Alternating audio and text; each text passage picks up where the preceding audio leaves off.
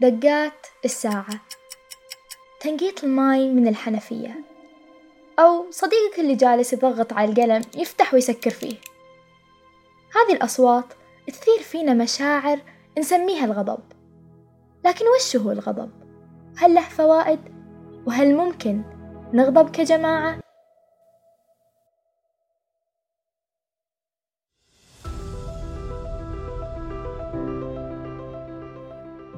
من أبواب المعرفة اللي تاخذنا لآفاق بعيدة وواسعة تلامس أطراف المستقبل. هنا بودكاست مد من إنتاج مستقبلي. في موسمنا الثالث راح نتكلم عن أشياء لا ترى. أشياء يتضح فيها الفرق بين سلوكك كفرد أو لما تكون مع جماعة وأسباب هذا الاختلاف. هذا الموسم عما لا نستطيع رؤيته.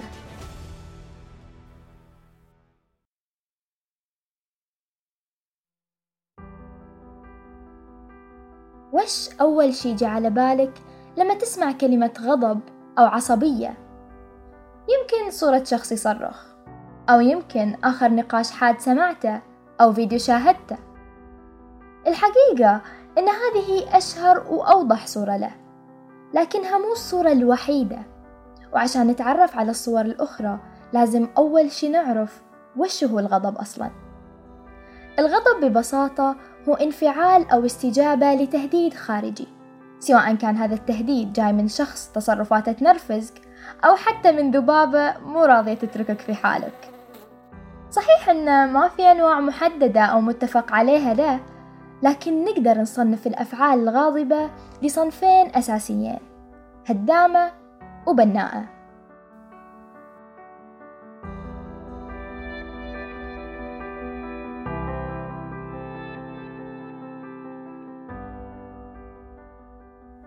أولا البناءة.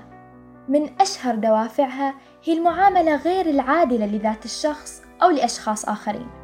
ويكون هدفها عادة تصحيح المعاملة السيئة واسترجاع حق الضحية. ثانيا الهدامة. دقيقة. قبل ما نستعرض أهم الدوافع خلف هذا الصنف خلينا أول شي نفرق بين الشخص المعتاد على العصبية والشخص اللي تكون العصبية عنده لحظية ومتعلقة تماما بالأحداث والأقوال في البيئة المحيطة فيه.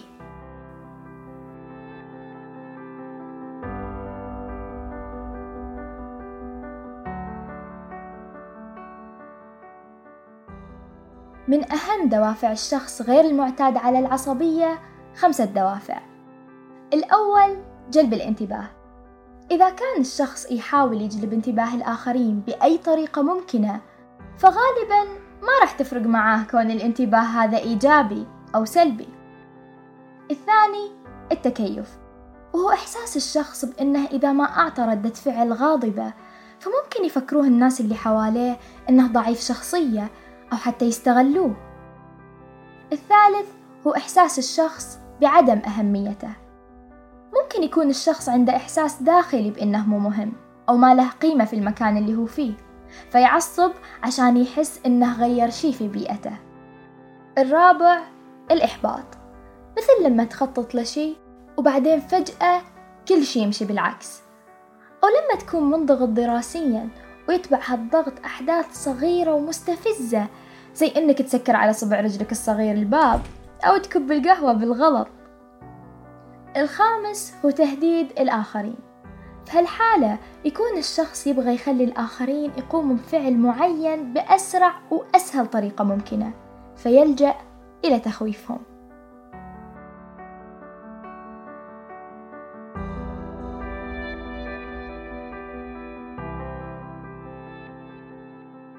في الجهة الأخرى ثلاثة من أهم دوافع الشخص المعتاد على العصبية.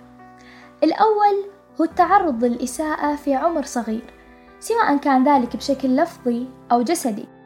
وأشهر مثال على هالدافع هم الأشخاص اللي كانوا أهاليهم هم صغار يحلوا كل مشكلة يفتعلها الطفل بمعاقبته بدل ما يشرحوا له ليش هالفعل خطأ من الأساس.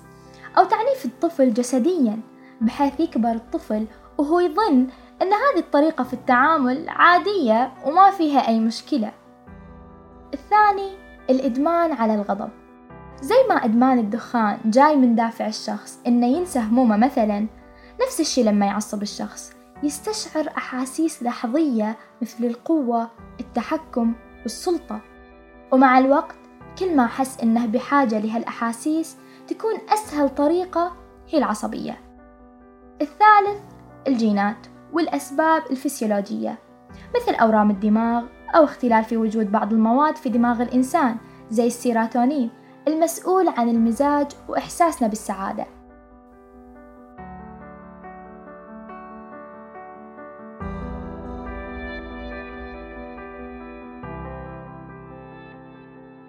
طيب هل ممكن يكون الغضب جماعي؟ في الإنجليزية مصطلح moral outrage أو الغضب الأخلاقي وهي مشاعر من الغضب يحسها مجموعة من الأشخاص كرد فعل على ممارسة الظلم أو الإهانة تجاه شخص أو جماعة. ويكون هالشعور مصحوب برغبة في التشهير بالظالم ومعاقبته. وبعكس ما يوحي إليه الاسم مو دائما تكون طريقة التعبير عن هالمشاعر طريقة صحيحة أخلاقيا. ومن أمثلته الغضب الجماعي اللي تبع اغتيال الأرشيدوق النمساوي وريث الإمبراطورية النمساوية المجرية عام 1914 من قبل أحد الصرب القوميين واللي بسببه أعلنت النمسا والمجر الحرب ضد صربيا. وهذه كانت أحد أهم الأسباب خلف قيام الحرب العالمية الأولى ومن ثم الحرب العالمية الثانية ومن بعدهم الحرب الباردة.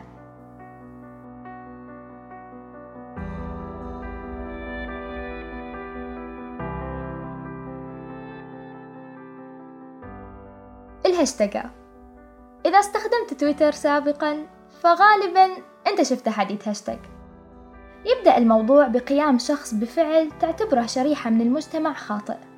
وبعدها ينحط اسمه في هاشتاج ويبدأ المغردين بنشر آرائهم عنه. واللي في كثير من الأحيان تتضمن أطنان من علامات التعجب والاستفهام وكلمات ما نبغى نقولها هني. بعد 15 سنة من إطلاق تويتر حاليا كلنا نعرف أن تويتر هو المكان اللي يتجمعوا فيه المعصبين لدرجة أنه لقب بأكثر مكان غاضب على الإنترنت إذا واحد من أشهر الأمثلة على الغضب الجماعي هو تويتر هذا يدفعنا نتساءل هل المشكلة فينا ولا في تويتر؟ في بحث من جامعة ييل يجاوب على هالسؤال ويقول إن فعلا مواقع التواصل تشجعنا على إن إحنا ننشر محتوى غاضب. لكن كيف؟ باختصار خلينا نقول إن في شخص نشر مقطع لشخص وهو يسيء لفئة من المجتمع على تويتر. هالمقطع لكونه يعرض محتوى مثير للجدل فبيحصل على انتباه المشاهدين ثم على اللايكات والتعليقات والرتويت بالتالي يعتبرها المغرد قاعدة. المحتوى الغاضب على فعل. أو إساءة هو اللي راح يحصل على انتباه الناس.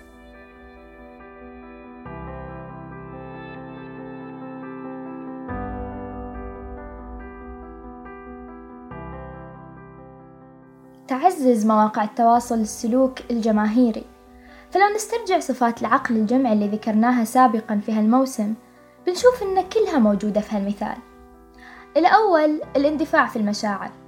بحيث إن إحنا نهاجم الشخص على طول بدون ما نفكر بظروفه أو الأسباب خلف تصرفاته. الثاني عدم القدرة على التعقل. فنشوف الأحاسيس تغلب العقلانية في الحكم على مدى سوء الشخص المسيء. الثالث هو فقدان ملكة النقد وهذا اللي نلمسه في الهاشتاجات غالبا. السب والشتم يغلب على نقد الفعل بحد ذاته. الرابع التطرف في الأحكام. بحيث يطالب المغردين بأقصى عقوبة بحق المسيء حتى ولو لم يتناسب حجم الخطأ مع العقاب.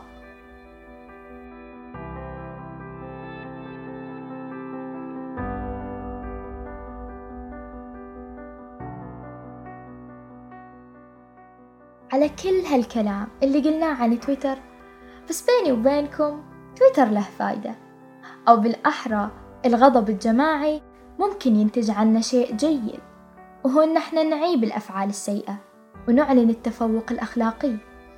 صحيح إن المسيء ممكن ينشهر أكثر يمكن أساسا يكون هذا هدفه ولكن على الأقل الشخص الواعي سيدرك أن هذا المجتمع لا يتقبل هذا الفعل.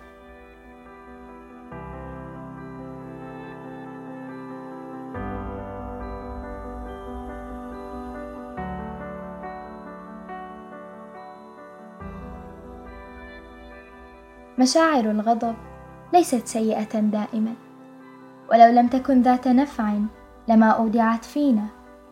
فهي كباقي العواطف تعتمد على دوافعها وطريقة التعبير عنها. وكما قيل الناس في هذه القوة على إفراط وتفريط واعتدال. نحتاج أن نتريث وأن نراعي مشاعر الآخرين. فلا نصب جام غضبنا على أحبائنا. ولا ندع تراكم مصاعب الحياة يؤثر على علاقاتنا. قد نتوهم أنه من القوة والشجاعة إحراق كل شيء بلهيب الغضب. لكن القوة الحقيقية تكمن في ملكه. ربما كان الغضب ليكون معلما لك ليعلمك الا يمتلكك شيء. بل تمتلكه أنت. دائما خلي رابط الحلقة عندك عشان من أحد يعصب عليك ترسلها له. زورونا على مواقع التواصل الاجتماعي حساباتنا في وصف الحلقة.